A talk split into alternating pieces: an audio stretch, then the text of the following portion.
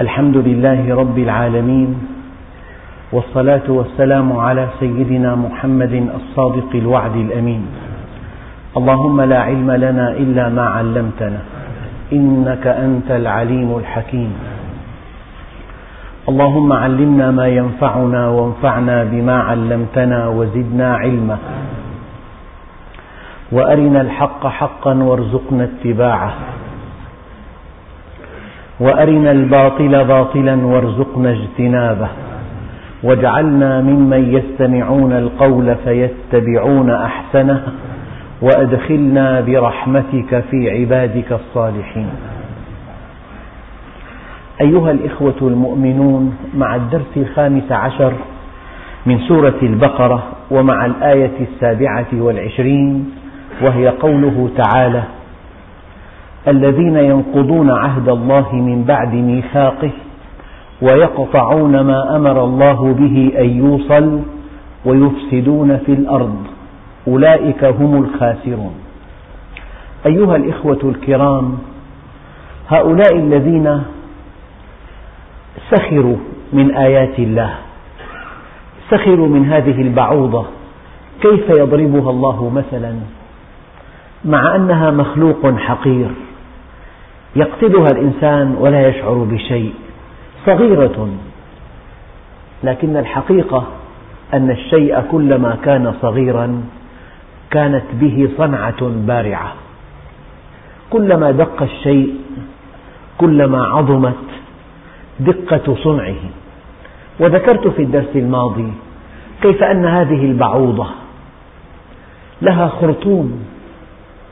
والخرطوم يمكن أن تغرسه في جلد الإنسان.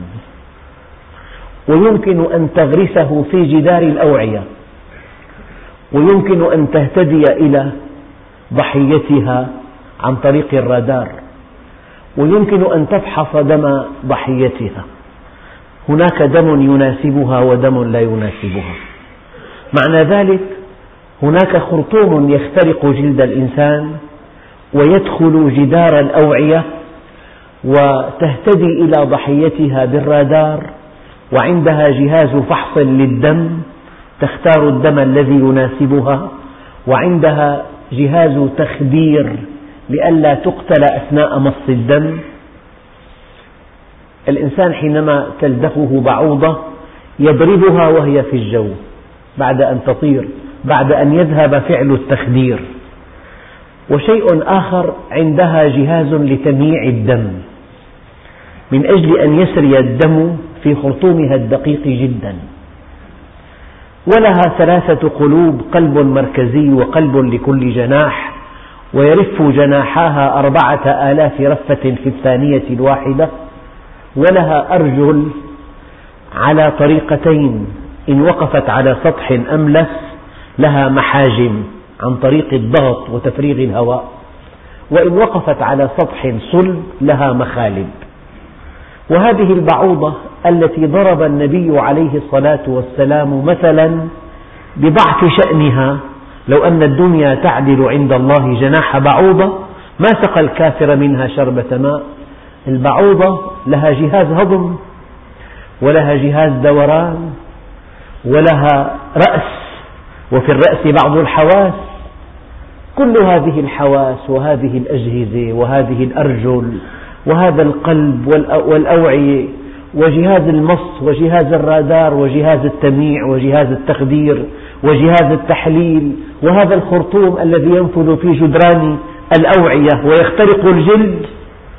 هذه البعوضة لو علمنا دقة صنع صنعها لسجدنا لله عز وجل. تعظيما له.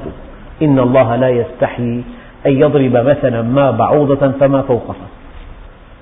فأما الذين آمنوا فيعلمون أنه الحق من ربهم وأما الذين كفروا فيقولون ماذا أراد الله بهذا مثلا. الآية واحدة.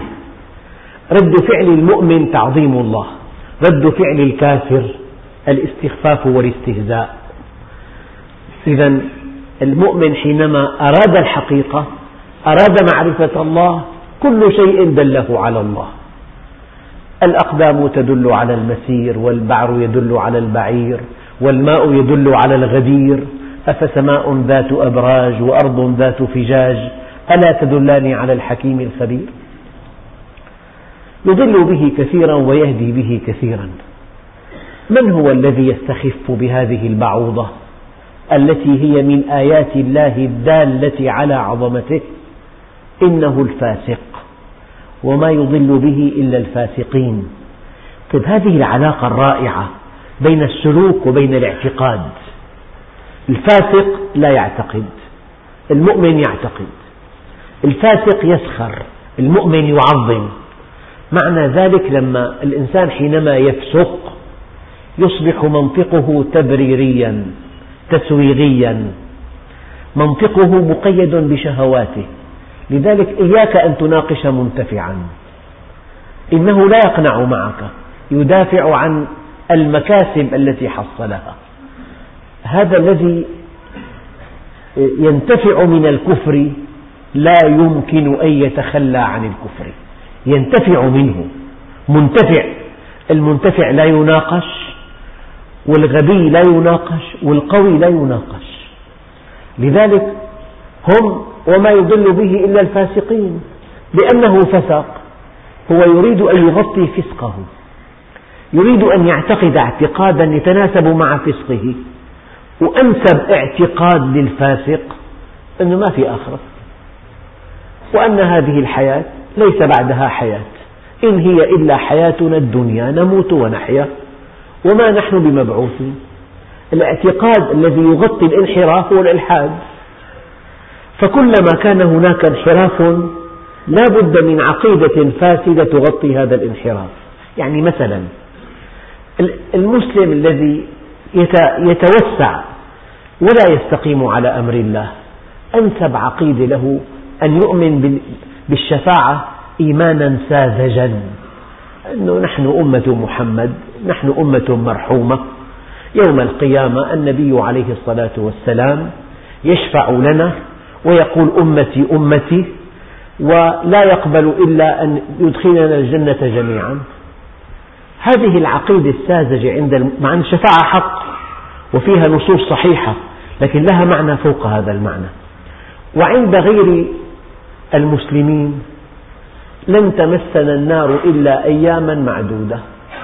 قل أتخذتم عند الله عهدا أم تقولون على الله ما لا تعلمون؟ دائما الفسقة والمنحرفون والمقصرون والمتفلتون حتى يستعيدوا توازنهم. الإنسان حينما يعصي الله يختل توازنه. حينما يعصي الله تحاسبه فطرته ينزعج يضيق ذرعا. الإنسان العاصي دائما توازنه مختل. كيف يستعيده؟ يستعيده بعقيدة يعني تسوغ له عمله.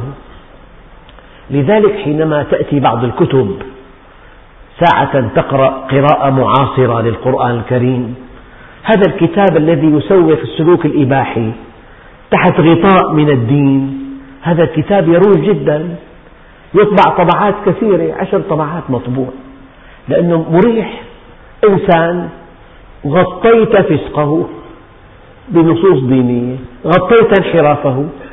بس هذا لا ينطري على الإنسان الواعي. أخواننا الكرام فكرة دقيقة جدا. فطرتك سليمة. حينما تعصي الله لا سمح الله ولا قدر يختل التوازن. حينما يختل هذا التوازن أنت في عندك طريقان لاسترجاع التوازن. الطريق الأول الصحيح التوبة.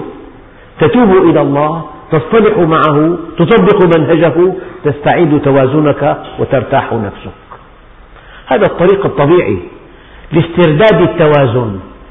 أما حينما يعصي الإنسان ربه يتفلت يطلق بصره يتوسع في المعصية يقبل السلوك اليومي المعاصر السلوك الإباحي يقبله. هو يحتاج الآن إما إلى توبة نصوح يستعيد بها توازنه وإن كان مصرا على هذه الشهوة يحتاج إلى عقيدة عقيدة زائغة تغطي انحرافه. هو يتوهم أنه هو يفعل الشيء الصحيح. لذلك إنسان مبتلى بشرب الخمر مصر على أن الله ما حرم الخمر. قال استطعنا أن نجتنبه. بس قال لي هات لي آية. الله قال حرمت الخمر عليكم. هذا كلام له مريح جدا مدمن خمر. فإذا اعتقد أن الخمرة حرام اختل توازنه انكشف. أما حينما يعتقد أن الخمر والميسر والأنصاب والأزلام رجس من عمل الشيطان فاجتنبوه مع أن كلمة اجتناب فيها أشد نوع من أنواع التحريم. يعني تيار 8000 فولت. أردنا أن ننصح الناس بالبعد عنه. هذا التيار في له مساحة ثمانية أمتار. إذا الإنسان دخل هذا الحرم يجذبه التيار ويجعله فحمة سوداء. فلو أن وزير الكهرباء أراد أن يضع إعلان تحذيري يقول ممنوع مس التيار أم ممنوع الاقتراب منه؟ الاقتراب أنه إذا كان دخلت من أمتار أصبح فحم. فهذا الإعلان التحذيري لا يأمر بعدم المس يأمر بعدم الاقتراب. لا بد من أن تدع بينك وبين هذا التيار هامش أمان. لا بد من أن تدع بينك وبين المعصية. لو أن الخمر قال حرمت الخمر عليكم. يجوز أن تبيعها وأن تشتريها وأن تتاجر بها وأن تعصرها وأن تعلن عنها. كله يجوز بس ممنوع أن تشربها.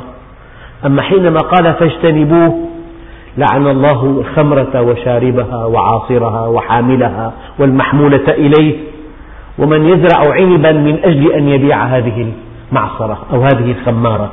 هذا كله ملعون. إذا فاجتنبوه تعني أشد أنواع التحريم. اجتنبوه يعني هذه المعصية لها قوة, قوة جذب. فلا بد من أن تدع بينك وبينها هامش أمان. كيف أن النهر العميق المخيف الذي ينذر من يقع فيه بالموت لهذا النهر شاطئ مائل عليه حشيش مبتل وفي له شاطئ جاف مستوي. المشي على الشاطئ المائل المبتل الزلق هي فيها مخاطرة كبيرة جدا. فهذا الشاطئ المائل الزلق هذا ممنوع أن تمشي فيه لئلا تقع في النهر. ينبغي أن تمشي على الشاطئ الجاف المستوي. هي قاعدة. الله عز وجل قال لا تقربوا الزنا. ما قال لا تزنوا. لا تقرب الزنا. هي شهوة. لو كان في خلوة تسور هذه الشهوة. لو في إطلاق بصر تسور هذه الشهوة. لو في متابعة مشاهد على الشاشة هي فيها مقارفة لهذه الشهوة. فكل ما يقربك من هذه الشهوة محرم. هذا معنى لا تقربوا الزنا. اجعل بينك وبين الزنا هامش أمان. اجعل بينك وبين مال اليتيم هامش أمان. لا تخلط ماله بمالك. لا تجعل الحساب هو الحكم. اجعل المال هو الحكم. هناك موضوع دقيق جدا. هناك شهوات فيها قوة, قوة جذب. أو فيها وهج. هذه الشهوات التي يضعف الإنسان أمامها في بعض الظروف أمرك الشرع الحكيم أن تبتعد عن أسبابها. الشهوات التي فيها قوة جذب والتي يضعف الإنسان أمامها في بعض الظروف نهاك عن الاقتراب منها. لا تقربوا الزنا. إنما الخمر والميسر والأنصاب والأزلام رجس من عمل الشيطان فاجتنبوه. اجعلوا بينكم وبينها هامش أمان. لا تجلس مع شارب خمر. لا تتعامل مع كل من يتعامل بالخمر. نعم. إذا هذا الأخ الذي أصر على أنه ليس في القرآن آية تحرم الخمر. لماذا؟ حتى يغطي انحرافه. إذا القضية الآن الدقيقة الإنسان حينما ينحرف أمامه سبيلان لاستعادة توازنه سبيل الاستقامة والتوبة النصوح والصلح مع الله وسبيل أن يعتقد عقيدة زائغة فاسدة منحرفة يتوهم بها أنها تغطي انحرافه. فلذلك المتلبس بشهوة لا يناقش لأن منطقه منطق تسويغي تبريري ليس منطقه منطقا حرا أبدا. وما يضل به إلا الفاسقين.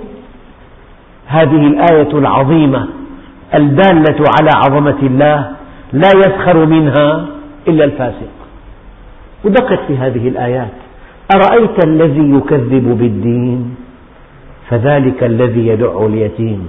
هو نفسه فإن لم يستجيبوا لك فاعلم أنما يتبعون أهواءهم. ومن أضل ممن اتبع هواه بغير هدى من الله. الذي يتبع هواه من دون هدى من الله عز وجل هذا من أشد الناس ضلالا يوم القيامة.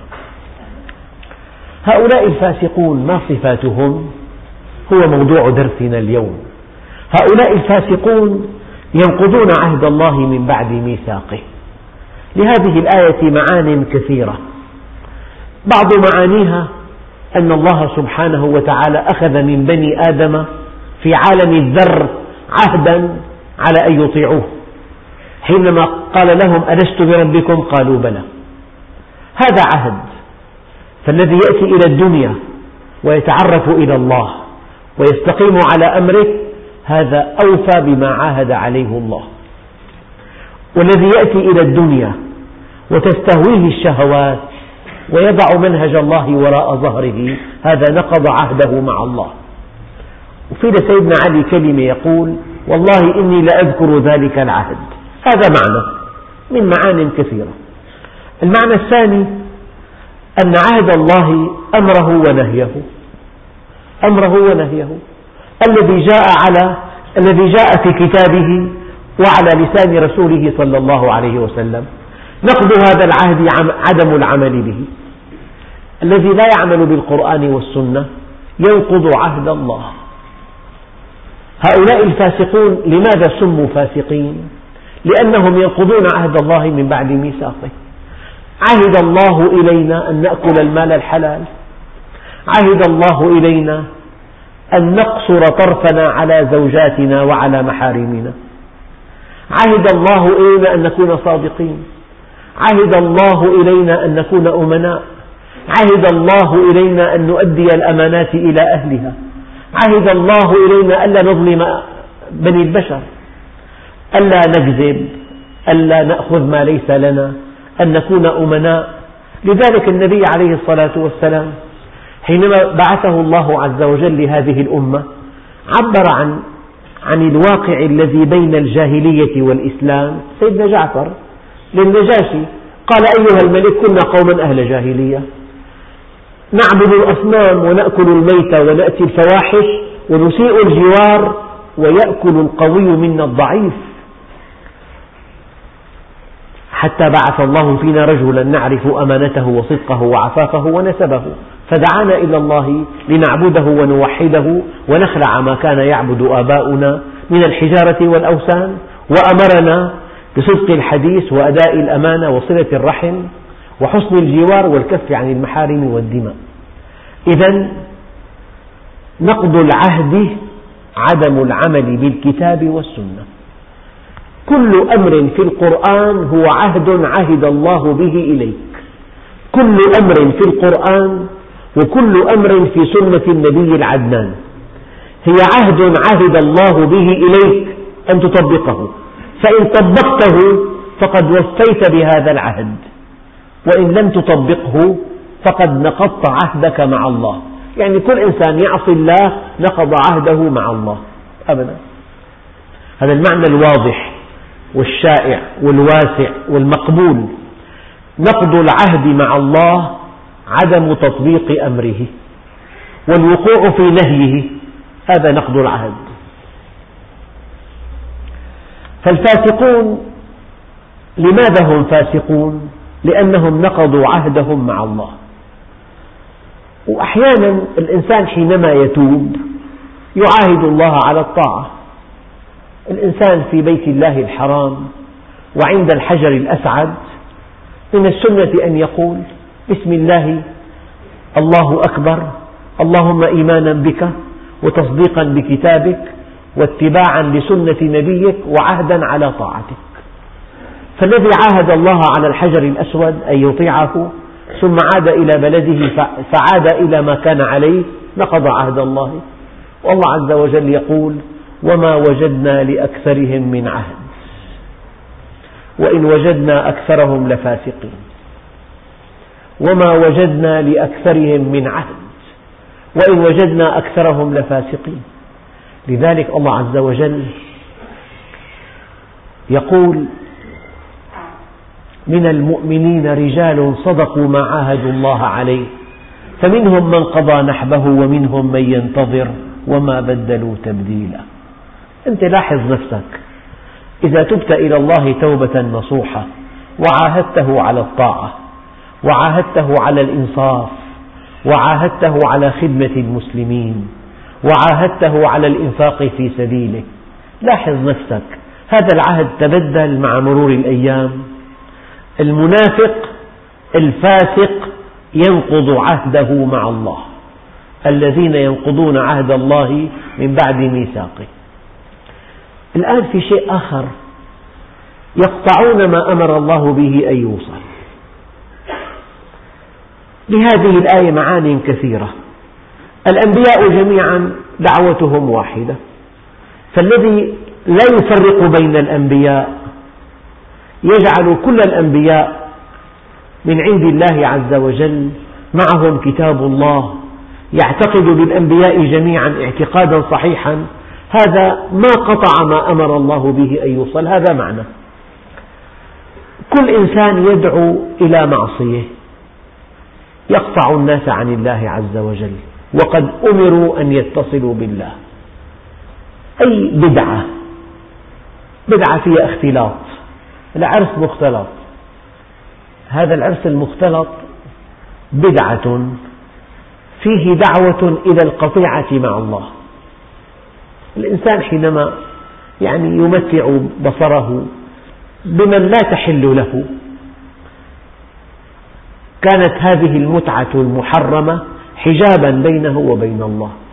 فمن دعاه إلى هذا الحفل ماذا فعل؟ قطع علاقات الناس بالله عز وجل. من دل على كسب حرام قطع هذا المكتسب عن الله. أي إنسان دعا إلى معصية روج لمعصية دعا إلى دنيا مغرية رغب, رغب الناس بشيء لا يرضي الله. يعني دعا الناس إلى شراء جهاز حتى يكون على مستوى العصر حتى يطلع ما في العالم من أحداث. كل إنسان يدعو إلى شيء يقطعه عن الله هو قاطع وأكبر كلمة وأكبر جريمة يرتكبها الإنسان أن يكون قاطعا عن الله. أنواع المعاصي كلها تقطع عن الله. إذا إنسان حرفته مبنية على معصية يعني وجد أنه أروج حرفة الملهى مثلا. ماذا يفعل صاحب الملهى؟ يقطع الناس عن الله عز وجل. يعني قضية طويلة واسعة جدا. أي حرفة مبنية على معصية هي في حقيقتها قطع الناس عن ربهم. تزيين الدنيا إغراء الناس بها تحبيبهم بالمعصية أن يكسبوا المال من أي طريق أن يتخذوا أية حرفة. تدر عليهم مالا وفيرا لا يعبؤون بطاعة الله فيها. هذا الذي يتخذ حرفة يكتبها فيها إيذاء للناس فيها إيذاء للناس بدينهم. هذا الذي يروج الشهوات يحببها للناس يقطعهم عن الله يعني بشكل أو بآخر. لو صديق أخذ الصديق إلى حفلة مختلطة الصديق مثلا له جامعه له طاعته لله له استقامته. صديق حميم أغراه بسهرة مختلطة.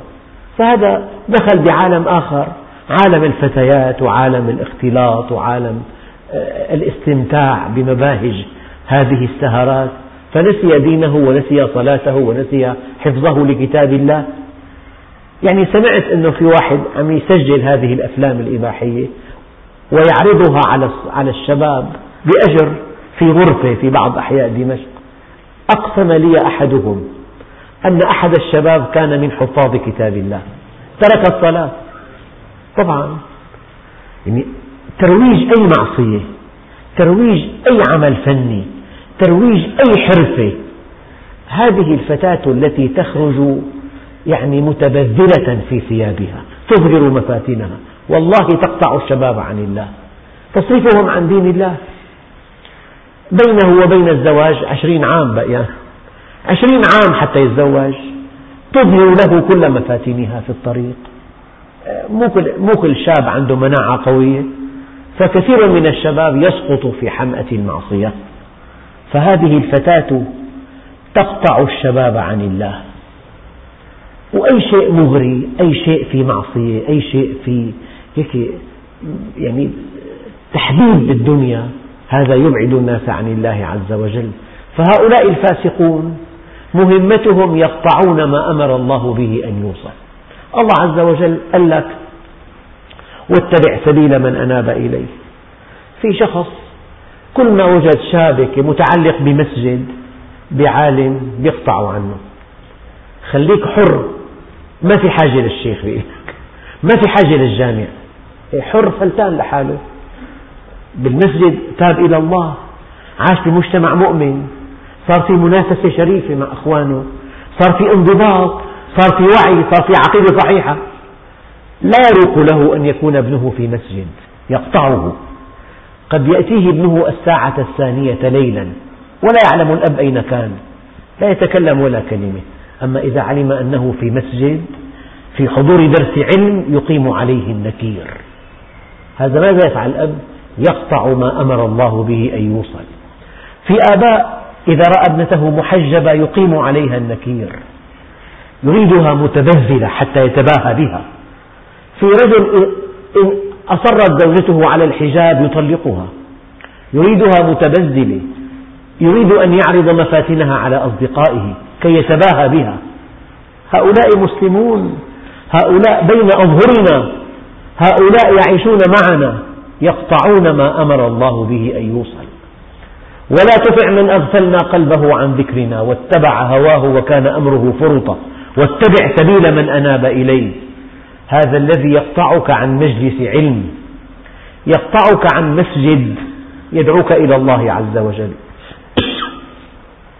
هذا يقطع ما أمر الله به أن يوصل. هذا الذي يغريك أن تكسب المال الحرام من طريق غير مشروع من أجل أن تصبح غنيا في وقت قصير. هذا يقطعك عن الله عز وجل. والله في أخ من إخواننا أعجبني فيه صدقه. قال لي اشترى والدي صحنا فضائيا. تابعت بعض البرامج. قال لي فقطعت عن الله عز وجل. قال لي أصبحت صلاتي لا معنى لها إطلاقا. بعد حين شعر بالخطر فعاهد الله على أن يمتنع عن مشاهدة برامج هذا الصحن. يعني شيء الإنسان لا يملك أحيانا يقطعون ما أمر الله به أن يوصل. في بالكون حقيقة واحدة هي الله. أي عمل يقربك من الله هذا عمل عظيم. وأي عمل يبعدك عن الله عز وجل هذا عمل خسيس. يعني شراء مجلة غير منضبطة في مشكلة. الشاب يطلع على صور الفنانات بأوضاع مغرية. هي مجلة هي. هذه المجلة لا ينبغي أن تكون في هذا البيت. هناك من يشتري هذه المجلات ويضعها في عيادته من أجل أن يستمتع المرضى قبل الدخول عليه. هذا يقطع ما أمر الله به أن يوصل. أيها الإخوة هؤلاء يقطعون ما أمر الله به أن يوصل. يعني بالمناسبة وجدت إنسان له شيخ له مسجد ملتزم متألق دعه لا تدخل بتفاصيل لا تقطعه عن هذا المسجد. هذا مصدر سعادته مصدر انضباطه. إلا بحالات نادرة جدا إذا في عقيدة منحرفة خطيرة جدا في هذا المسجد. هذا موضوع ثاني. أما بشكل عام إنسان موصول بالله عن طريق جماعة. عن طريق مسجد عن طريق شيخ. لا يكون همك قطعه. هذا عمل تخريبي. أنت قطعت لكن ما عندك إمكان تحل محل هذا الشيخ. قطعته عن هذا الشيخ وجعلته ضائع. ماذا فعلت؟ هذا عمل تخريبي. فكل إنسان له صلة بالله له عمل صالح له هيك وجهة لله عز وجل. أيام تجد إنسان معتقد بإنسان. يعني أخ أخوين في المسجد. الأخ السابق تائب من عشر سنوات. يعني له ماضي قبل عشر سنوات غير مرضي بس تاب توبة نصوحة منه. فماشي معه أخ. أنت مين دلك على هالمسجد؟ والله فلان فلان. هذا كان كذا كان كذا كان كذا. ماذا فعلت أنت؟ تاب من هالذنب وسلك إلى الله وصار متألق ودعا إلى الله. لماذا تذكر هذا الشاب الناشئ الذي اهتدى على يد هذا الشاب الأكبر منه؟ تذكره بعمل فعله هذا قبل عشر سنوات؟ يعني شيء عمل عمل شيطاني. كل إنسان له صلة بالله. أي قطع لهذه الصلة عمل تخريبي وعمل يغضب الله عز وجل.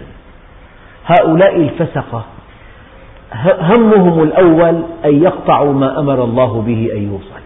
يقطع التلميذ عن أستاذه يقطع الأخ عن أخوه يقطع الجار عن جاره يقطع الأم عن ابنتها. في أزواج يحرم أن تزور البنت أهلها. طيب لماذا؟ أمها أبوها من حقها. الله عز وجل أمر بصلة الرحم هو يقطع هذه الصلة. قد يأمر إنسان أن يقاطع أهله. هذا الأمر مخالف للسنة ولا طاعة لمخلوق في معصية الخالق. يعني لتحقيق نزوة معينة لتحقيق هيك هدف كيدي يأمر هذا الإنسان أن يقاطع أهله جميعا أن يقاطع أخواته. هذا عمل كيدي هذا مخالف للسنة. المؤمن الصادق لا يأتمر إلا بما أمر الله ولا ينتهي إلا عما نهى الله عنه ولا يطيع مخلوقا في معصية أبدا. وكل إنسان يعتقد أنه في إنسان أكمل من رسول الله فهو كافر برسالة رسول الله عليه الصلاة والسلام. يعني إذا أنت سمعت كلام إنسان وعصيت النبي عليه الصلاة والسلام فأنت لست مؤمنا برسالة النبي ولا بعصمة النبي ولا بأحقية اتباع النبي. هي آية دقيقة جدا يقطعون ما أمر الله به أن يوصل. إياك أن تكون أداة قطع. كن أداة وصل. كن أداة وصل ليس منا من فرق. حتى الذي يريد موظف بلا زوجة. في دول الخليج أحيانا من دون زوجة. زوجته أقرب الناس له ليس في الإمكان أن يعيش بعيدا عنها. وليس في إمكانها أن تعيش بعيدا عنه. لا نقبلك إلا بلا زوجة يبقى سنة بأكملها. هو في مكان وزوجته في بلد آخر. هؤلاء يقطعون ما أمر الله به أن يوصل.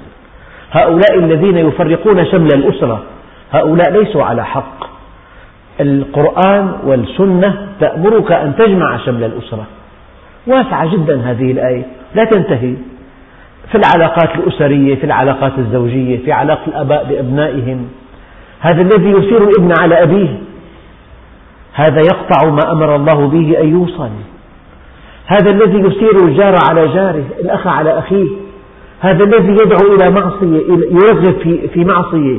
هذا الذي يغريك بمال حرام يقطعك عن الله عز وجل. طبعا آية واسعة جدا. ليس منا من فرق كما قال عليه الصلاة والسلام. ويفسدون في الأرض. يفسدون العلاقات. يفسدون الأخلاق. يفسدون براءة الصغار. يعني في أعمال فنية مستوردة تعرض على الصغار. كل شيء فيها. كل شيء من الفسق والفجور والعلاقات الغرامية. طفل عمره ثلاث سنوات أربع سنوات يشرب مع دمه هذه العلاقات الشائنة عن طريق أفلام نستوردها. طبعا هذه لا تجوز. لا بد من أعمال تناسب الصغار المؤمنين. كل عمل يبعدك عن عن الله عز وجل. هذا قطع لما أراد أمر الله به أن يوصل. نعم. يعني مشكلة هناك يعني جهات بعيدة تكيد للمسلمين. نحن عن طريق هذه الصحون قد غزينا ثقافيا. يعني ممكن البيت صار ملهى البيت صار نادي ليلي البيت البيت مقدس الأب مقدس الأم مقدسة.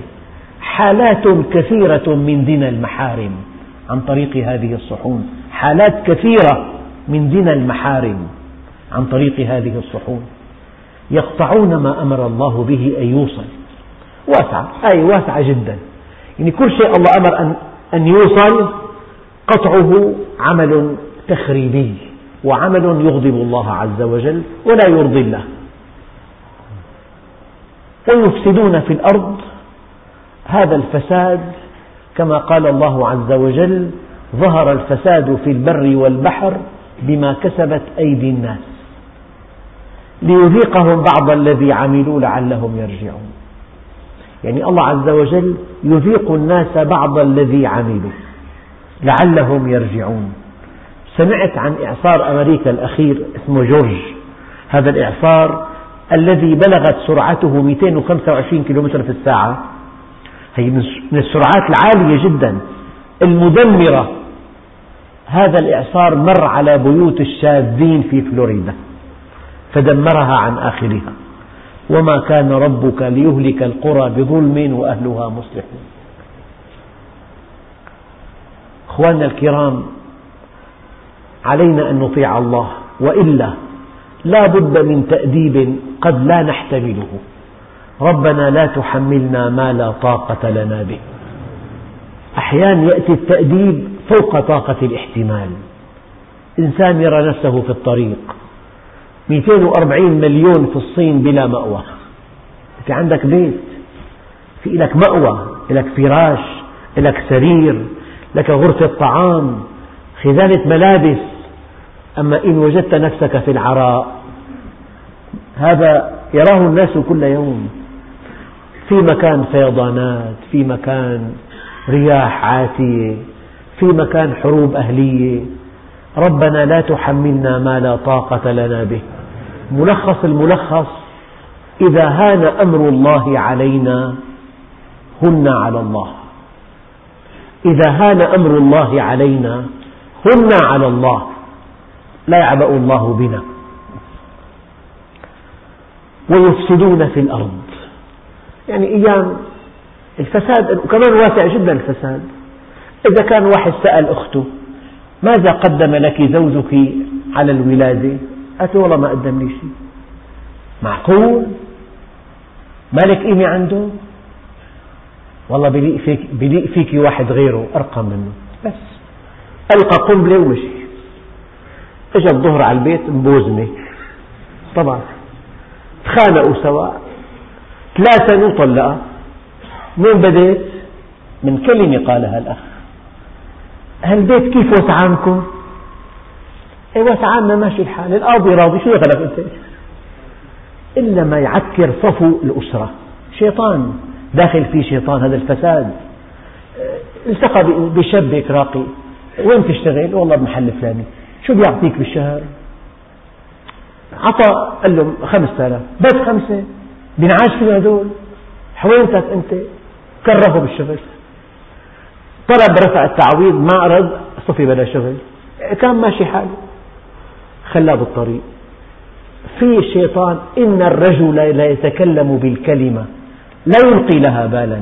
يهوي بها في جهنم سبعين خريفا يهوي بها في جهنم سبعين خريفا كل إنسان بيصغر, بيصغر دنيا الناس عندهم.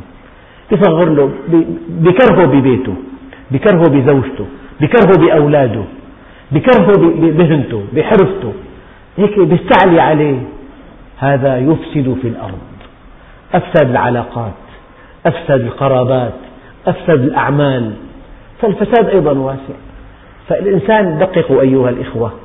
كلمة تنطق بها من سخط الله تهوي بها في جهنم سبعين خريفا كلمة استعلاء أحيانا تجرح الإنسان. جراح السنان لها التئام وليس لجراح اللسان التئام. أيام الإنسان يتكلم كلمة قاسية تحفر في أعماقه. لماذا؟